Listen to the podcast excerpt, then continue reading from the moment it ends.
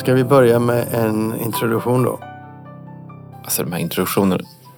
Ja, Ja, visst du kan inte. Ja. De är så sjukt oinspirerade de här. Ja, väl... Välkommen till avsnitt 127 av Förlagspodden med mig, Lasse Winkler. Och med mig, Kristoffer Lind.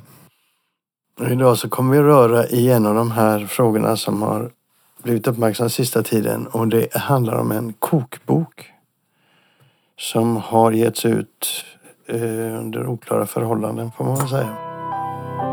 Mer om det i podden alldeles strax.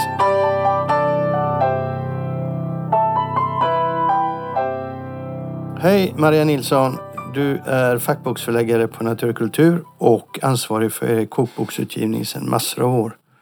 Och nu har du hamnat i media därför att du har lämnat in en stämning mot förlaget Mondial. Kan du berätta lite bakgrund? Ja, eh, Natur och kultur har eh, lämnat in en stämning. Jag fick tips för eh, en månad sedan ungefär om att en bok som Erik Videgård har gett ut på Mondial förlag liknade en bok som vi gav ut hos oss eh, för några år sedan. Den bok som vi gav ut som heter Facing Heaven av Erik Videgård. Vi gav ut den 2015 i inbunden med tygklot och sen tre år senare så gav vi ut den i flexoband. Och den finns alltså fortfarande till försäljning. Men jag köpte i alla fall, när jag fick, när jag, efter det här tipset så köpte jag boken och eh, började jämföra den mot vår bok. Och kunde då konstatera att eh, nästan hela vår bok, förutom fem recept tror jag, återfanns i den här nya boken. Och eh, det var även 45 av våra bilder som låg på helsidor eller uppslag. Och sen så var det faktiskt även så att formatet var exakt detsamma.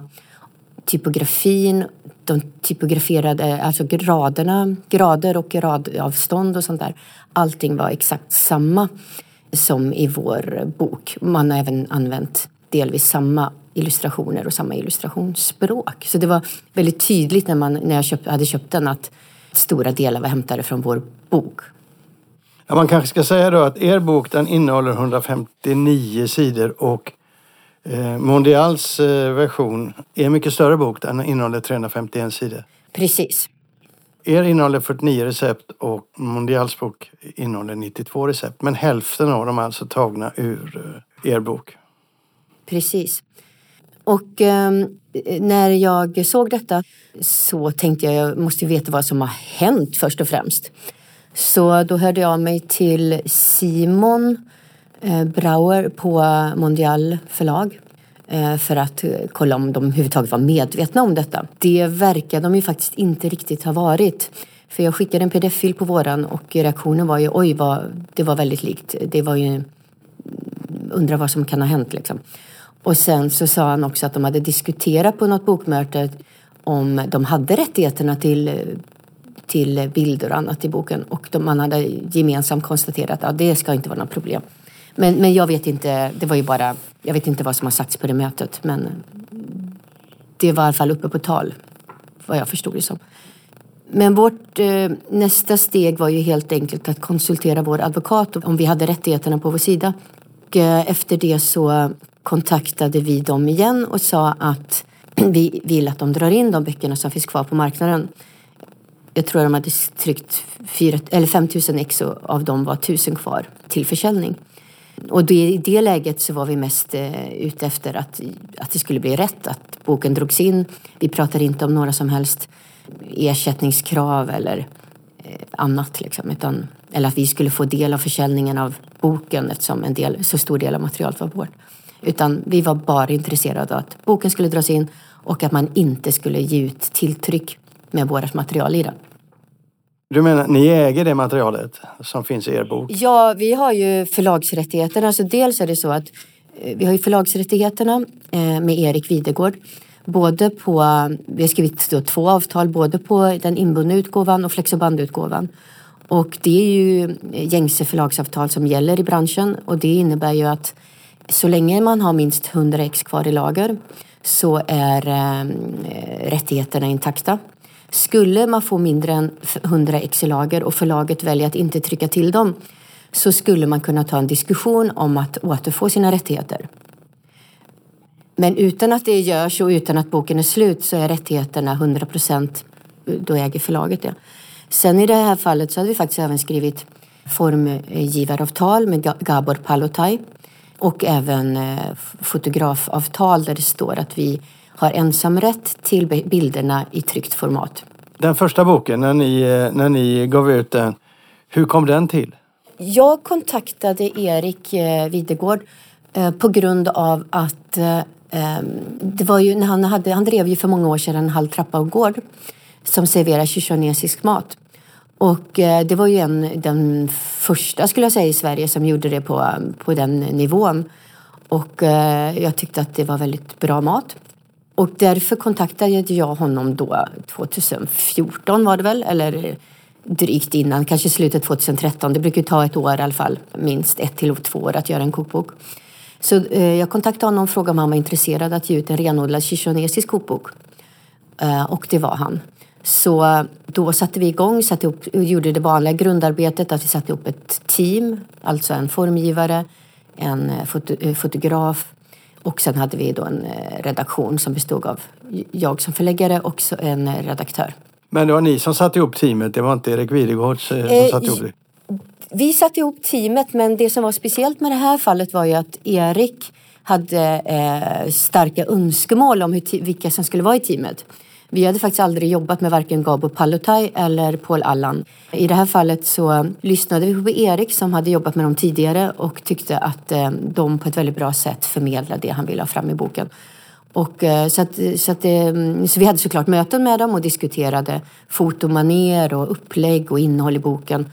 Och sen så var vi ju med på fotograferingar och sen så hade vi så här test, som vanligt gör man ju Eh, tar man ju fram en testform med skisser som man, skissar, eh, som man skickar mellan sig och kommenterar innan man fastställer hur boken ska kännas. Och sen så parallellt med det så jobbar vi ju då med recept och provlagar recept och redigerar dem. Och eh, sen så skickades, när vi var klara med det så skickades det allt till form och så gjorde vi korsvingar. Reprovändor med bilderna, tryckfiler och skickade den till boken till tryck. Ja, det vanliga arbetet med en illustrerad bok som är ganska omfattande får man ju säga och sker under en lång period. Mm. Vanligtvis. Tillbaka till den här, eh, era advokater meddelar vem då? Eh, de tog fram ett rättsligt ombud eh, som efter de här första initiala kontakterna så, så kändes det som att man ville ha det dokumenterat i mejl eller och i telefonsamtal då hade vi mellan rättsliga ombud så att ingenting skulle kunna misstolkas i senare skeden. Så det har helt skett genom vår, vår, vår jurist och deras juridiska ombud. Vår jurist tror jag har kontaktat dem, deras ombud minst vid tre eller fyra tillfällen och bett dem att dra tillbaka boken utan repressalier. Utan bara att vi vill att den ska dras tillbaka. Sen när de inte svarade på detta så sa vi att om, om ni inte drar tillbaka det här så måste vi ta till rättsliga åtgärder. Och vi fick faktiskt inget svar på det heller. Vi ville inte skicka in utan att ha fått något livstecken på dem, från deras sida att de faktiskt hade mottagit detta. Så till slut så svarade faktiskt deras ombud att jag eh, meddelar härmed att jag har mottagit era mejl. Med vänlig hälsning. Och så var det det. Det var på fredagen tror jag, eller på lördagen. Och sen i måndags då så skickade vi in. Stämningsansökan. Stämningsansökan, tack. Den innehåller då eh, det, det juridiska underlaget och eh, exempel, bilder. Jag har faktiskt gått igenom de här böckerna sida för sida. Det var väldigt spännande. Och min slutsats är ju den att om jag som kund går och köper boken Facing Heaven som ni fortfarande ger ut så blir jag lurad. Därför hela boken, hela boken ligger inne i den andra boken. Det som jag ser som är intressant, det är samma layout, det är samma stil. Allt det arbete som ni gjorde där, det har de ju bara använt eh, i den nya boken. Det finns ingenting som skiljer de här böckerna åt mer än att ett par eh, recept är borta, några bilder är borta, men inte mycket. I stort sett allt finns i den andra boken. En rolig sak då. Jag, jag har också tittat igenom recept. Vad man kan se där när de har ändrats det är ju när författaren Erik Videgård har tyckt att en viss ingrediens inte behövs och han har bytt den eller tagit bort den. Men han har konstant i alla, i alla recept så han flyttat ingredienserna som det står strösocker på tredje plats i, ett, på, i exemplet i er bok så står det på sjunde plats i exemplet och då heter det bara socker i hans nya bok. Då. Men en sak som är väldigt rolig det är att de har ju ett recept på anka. Jag kommer inte ihåg vad det heter just nu. Eh, ank Pekinganka. ja, det kan det vara. Det är, det är anklår i alla fall det handlar om. Ja. Och i det nya så har han bytt anklår mot ankbröst. Men han har inte bytt bilden. Så bilden är fortfarande densamma med anklår på. Det tycker jag är väldigt roligt. Precis. I den stämningsansökan som vi har skickat in så är det faktiskt, har vi bifogat 120 sidor som vi anser är mer eller mindre rent plagierade från vår bok. Bara för skojs skull har vi lagt upp sida vid sida böckerna bredvid varandra och tagit lite bilder för att liksom verkligen eh, man ska kunna se att det är faktiskt sam, samma bok. Och som du säger så är det ju förutom det rättsliga så är det även så att eh, vi anser att man lurar köparen om man inte berättar detta. Om vi skulle ge ut en återutgivning som det här då i praktiken är av någon av våra böcker eh, till de vi har rättigheter på. Så dels gör vi ju det med alla inblandade samförstånd men sen så skriver man ju alltid att det här är en eh, reviderad utgåva av den här boken som kom ut då. Vi har kompletterat med tio nya recept eller du vet vad nu är man har gjort. Mm. Och det har man inte nämnt med ett ord att det, här det är böcker och bilder som är använda eh, tidigare och faktiskt till och med på ett annat förlag. Mm. Nu har, nu har jag bägge böckerna faktiskt. Eh, mm, och eh, jag eh, måste säga att jag blev väldigt glad när Erik Videgård kom med en ny, när de kom ut en ny bok. Men jag känner mig lurad när jag ser att hälften av boken är, hade jag redan recepten på. Ja, och den stora delen i det här är väl egentligen att om det här skulle vara rättsligt okej trots att man har liksom avtal på, på alla delar, copyrightavtal, eh, så innebär det ju i praktiken att samma författare skulle kunna ge ut samma bok på flera olika förlag samtidigt utan att informera varken då förlagen i fråga eller eh, kunderna. Det som är speciellt här är ju att författaren inte plagierar. Utan vad han gör är att han använder sina egna recept.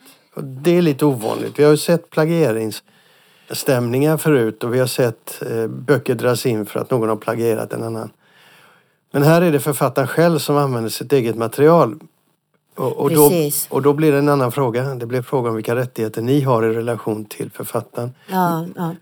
Även om det är en författare som eh, använder sina egen, plagierar sina egna recept. Låt säga så här, eller sin egen bok. Eh, Låt säga att ja, men nu, man ger ut en bok och så kommer den samtidigt ut på, med, eller med några månaders mellanrum ut på flera olika förlag. Exakt samma innehåll.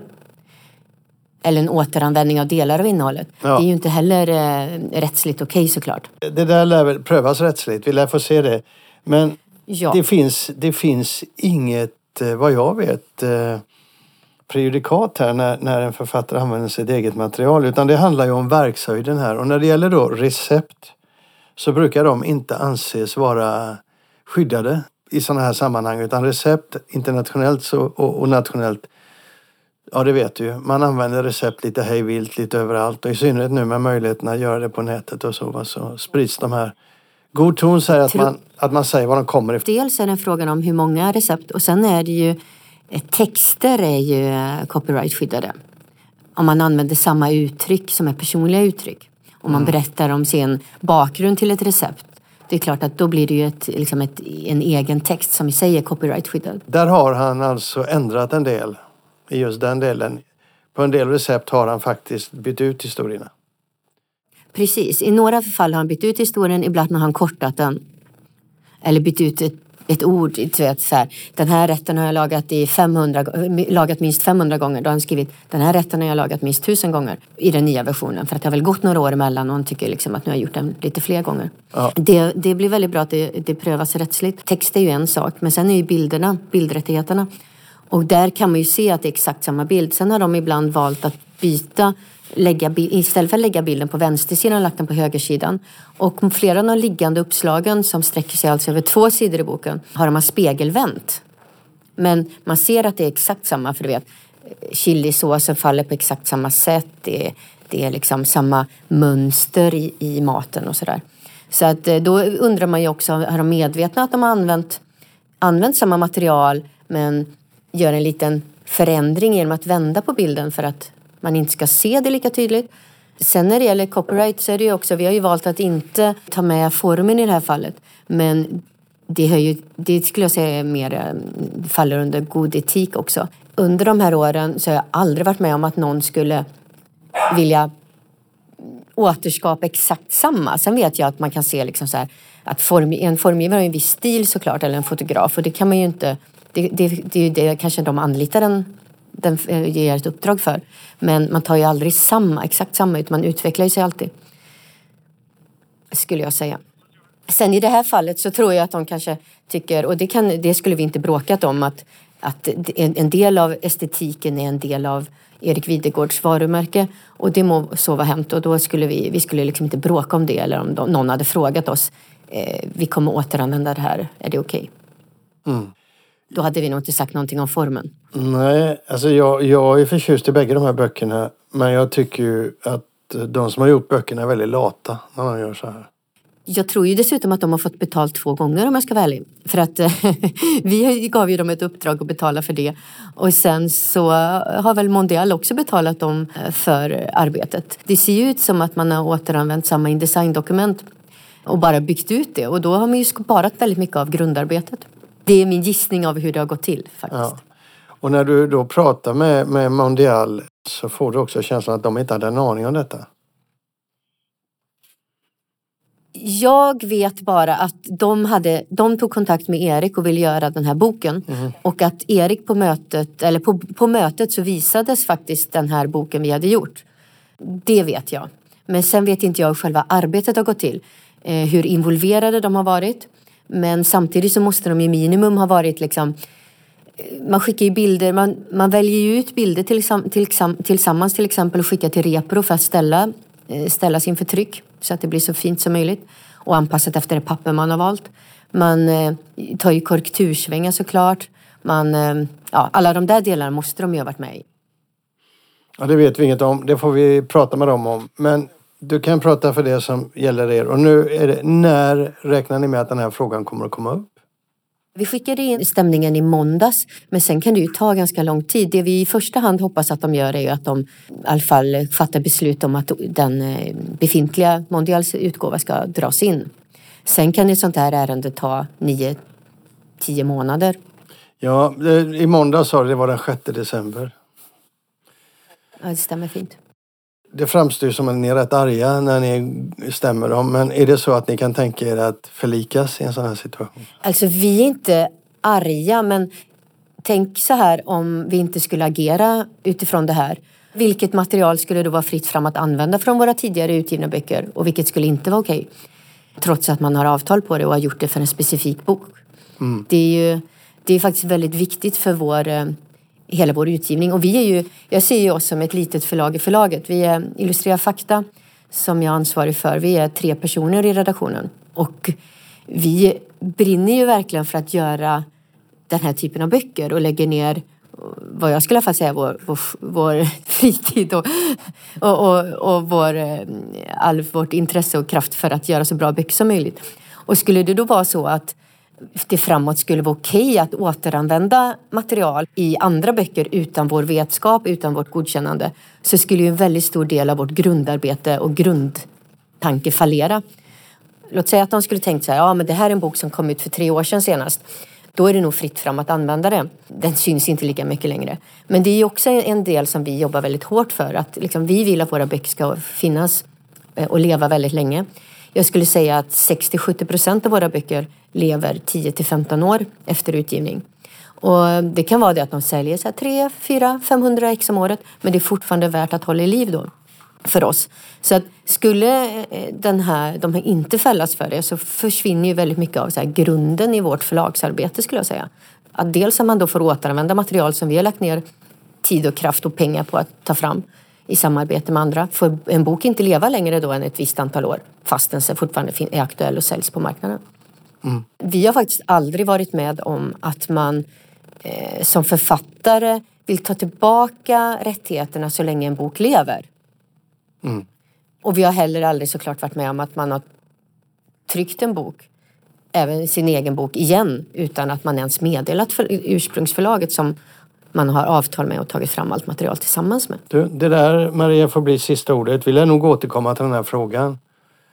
Men tack för att du kom till, eh, till podden och berättade. Tack så mycket.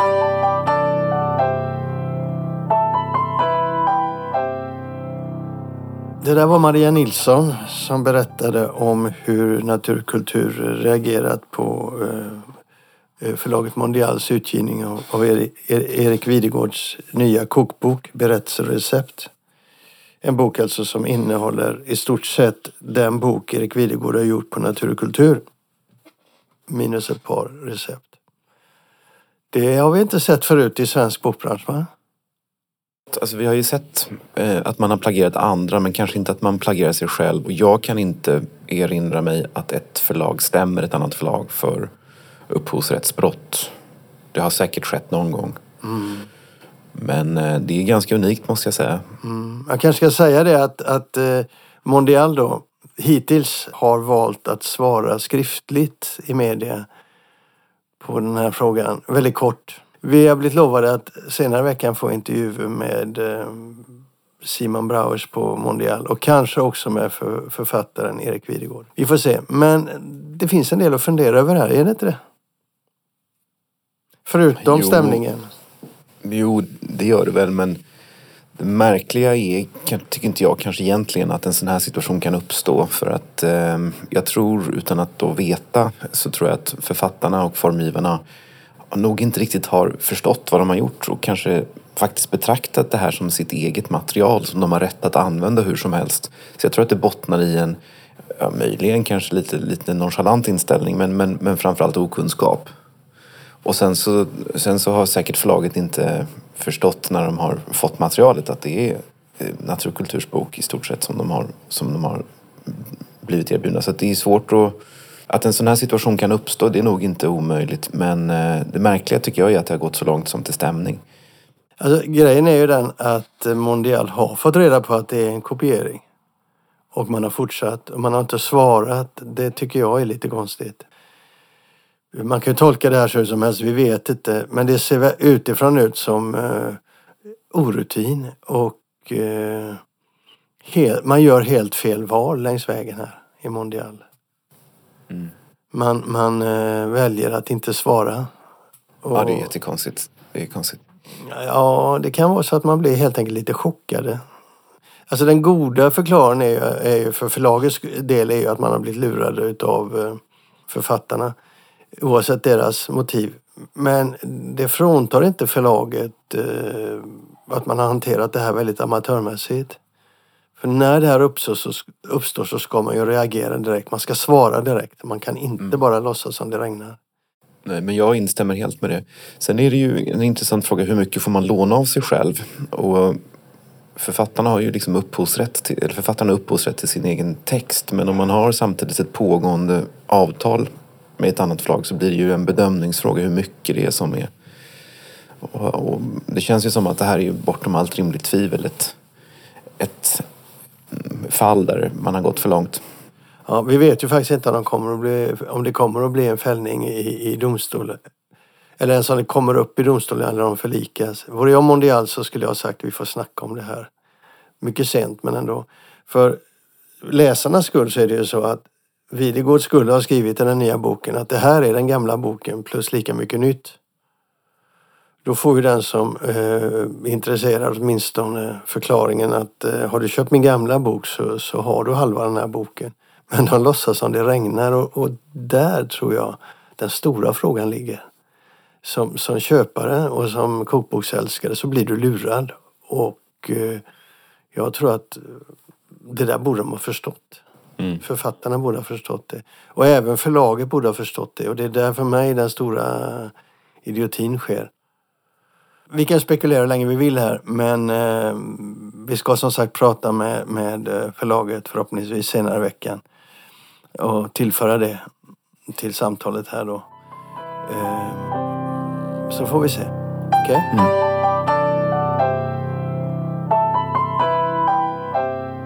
Om vi tar det uttalandet som är, är, är ofta är väldigt eh, missuppfattat i media.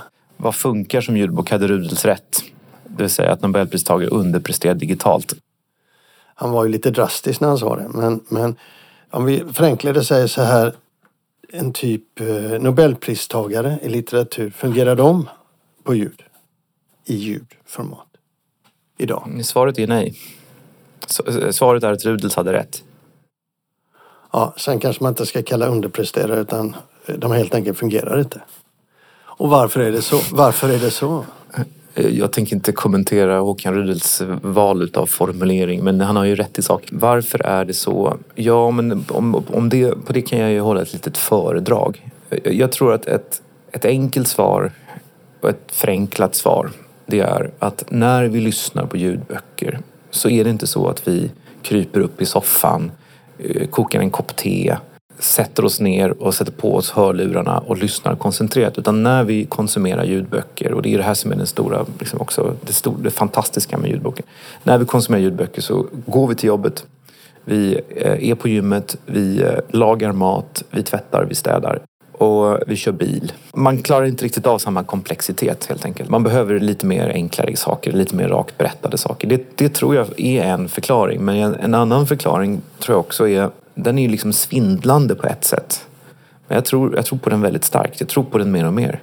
Och det är att skillnaden i försäljning är kanske inte så stor om man kunde mäta hur många som faktiskt har läst Nobelpristagarna. Därför att det som, det, som, det som konsumeras i en streamingtjänst det är ju sånt som verkligen konsumeras. Du får bara betalt för det som någon har lyssnat på. Men hur många av årets Nobelpristagare som man får i julklapp kommer att läsas? Ja, det är garanterat inte 50 procent. Ja, så, att, så att det här är också en, det här är också en sån här... Man talar om att ljudboken kommersialiserar bokbranschen och det gör den. Men eh, kanske mindre än vad man egentligen tror. För att jag tror att om vi kunde, om vi kunde mäta vilka pappersböcker som folk verkligen läser så tror jag att det skulle vara skrämmande. Om du tar klassiker som exempelvis, som exempel. Så vi har ju gjort lite klassiker som ljudbok och det går ju jättedåligt. Man skulle kunna säga att de underpresterar i, stream, i streamingtjänsterna. På rean däremot så, så säljs det fortfarande en hel del klassiker. Och man kan ju då tänka sig att det är precis som med, som med Nobelpriset. Att, man, att folk går på rean och så, så tänker de åh, liksom, det här vill jag ha eller det här ska jag köpa. Och sen så köper de dem på rean och sen så blir de liggandes hemma. Ja, och? Och så funkar inte en streamingtjänst. Utan i en streamingtjänst så blir det liksom inga intäkter. Men på rean genererar de i alla fall en intäkt. Så Det ser ut som att det liksom är, är, är, är något som någon har läst. Jag tror alltså att streamingtjänsterna in- i själva verket inte är sådana, att de, i själva verket är de inte så att de kommersialiserar utan i själva verket är det så att de, de drar ner byxorna på människor. De visar hur folk verkligen konsumerar när de får välja själva. Du är på humör idag. Ja, jag, jag är på humör idag.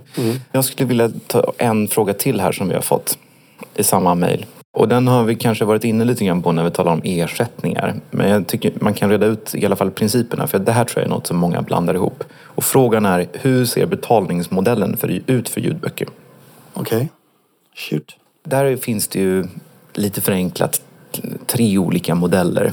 I, I den anglosaxiska världen så finns ju Audible och Audible har ju en slags subskription. Oftast så är det så att man betalar mm, 100 kronor till 10 pund eller någonting sånt där i månaden och så får man en voucher och för det kan man få en bok. Ibland kan man få någon extra bok, ibland kan man få någon billig bok och sådär. Det är ju ett, en slags subskription å ena sidan men det är samtidigt så att har du köpt en bok, laddat ner en, fått en voucher, laddat ner en bok och börjat lyssna på den kan du inte byta. Utan det är liksom, du är fast där. Förlagen får en fast ersättning per konsumerad bok eller per köpt bok och det spelar liksom ingen roll om man, om man bara lyssnar 20 minuter eller om man lyssnar 10 timmar. Och det är ju den modellen som funnits länge i USA och England och som är Audibles huvudmodell. Får jag säga en sak där? Får jag säga en sak Ja. Alltså, ja, eh, du kan alltså lämna tillbaka en bok. Du har ångermöjlighet. Och ibland när jag har, har eh, köpt böcker och så har den legat i min eh, inkorg och så märker jag att jag kommer aldrig lyssna på den. Skickar jag tillbaka den och det är rätt långt efteråt. Men om jag gör det med för många böcker så stoppas jag. Och så får, kan jag inte lämna tillbaka några böcker på ett antal månader eller vad det är. Det var en bra nyansering. Det är lite meck och lite pyssel med att, att lämna tillbaka en bok. Och det är inte så att du bara kan, kan lyssna och sen så hitta något nytt och surfa vidare och ladda ner något annat och liksom växla och sådär. Så att du, det blir, finns ju ändå en enorm begränsning med den modellen jämfört med den andra modellen som då är all you can eat-modellen. Det är den modellen som de svenska, streaming, svenska streamingtjänsterna representerar. Storytel, Bookbeat, Nextory och Bokus Play. Det fungerar på samma sätt som det fungerar med Netflix eller som det fungerar med Spotify. Du betalar en avgift i månaden och för det kan du använda ditt abonnemang hur mycket som helst. Sen kan det inom den modellen också finnas då variationer. Bokus Play tror jag exempelvis har och även Nextory tror jag har liksom en premiumversion där man får lite fler böcker, kanske lite fler nyheter och så vidare. Inom den All You Can Eat-modellen som är då i den anglosaxiska amerikanska världen väldigt miss, misstänkliggjord. Inom den modellen så kan du ju sen ersätta på olika, olika sätt. Och Storytels huvudmodell men det är ju revenue share. Det vill säga att man man delar intäkterna med förlagen så att en viss del av intäkterna, det kan vara 50 det kan vara 60 procent, det liksom blir en pool av pengar så att säga som, som genereras och det delar man sen på alla lyssningar och så får förlagen det. Revenue share, man, fördel, man delar med intäkterna med förlagen. Det är Storytels huvudmodell. Och den andra modellen som Bookbeat och Nextory tillämpar, även om Nextory då har liksom inte, inte per minut ersättning, det är att man har fasta ersättningar. Så att man vet exakt att man får utifrån det avtal man har från en viss längd så får man en viss summa. Det är de betalningsmodeller som finns och eh, skillnaden är all you can eat, alltså det, det, är det som är egentligen det stora då som skiljer mellan, mellan, mellan Audible och de andra. Men sen kan också inom all you can eat-modellen så kan förlagen ersättas på lite olika sätt. Jag måste ju säga, jag trodde när vi började det här samtalet som blev väldigt långt som sagt så vi fick dela upp det i tre delar. Så trodde jag inte att det fanns så mycket nytt att säga men det var ju väldigt mycket nytt. Ja, men jag, jag, jag, upptäckte det själv när vi började prata, exempelvis när vi kom in på det där med Danmark. Det, det, och det, det där med Danmark var ju något som jag upptäckte själv eh, bara för någon månad sedan eller så. Så att det, det, även jag lär mig faktiskt nya saker. Det är inte bara så att jag lär mig nya saker, jag tror hela tiden att jag faktiskt ändrar mig. Har, om, det finns ju saker som jag inte tycker längre.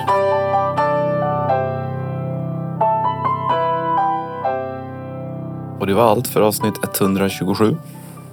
Mm. Och då kanske vi ska säga att vi kommer nästa vecka som vanligt men sen tar vi eh, julledigt. Eller hur? Sen blir det jul, julpaus. Ja, fram till mitten av januari ungefär eller lite till kanske. Okej. Okay. Hej då.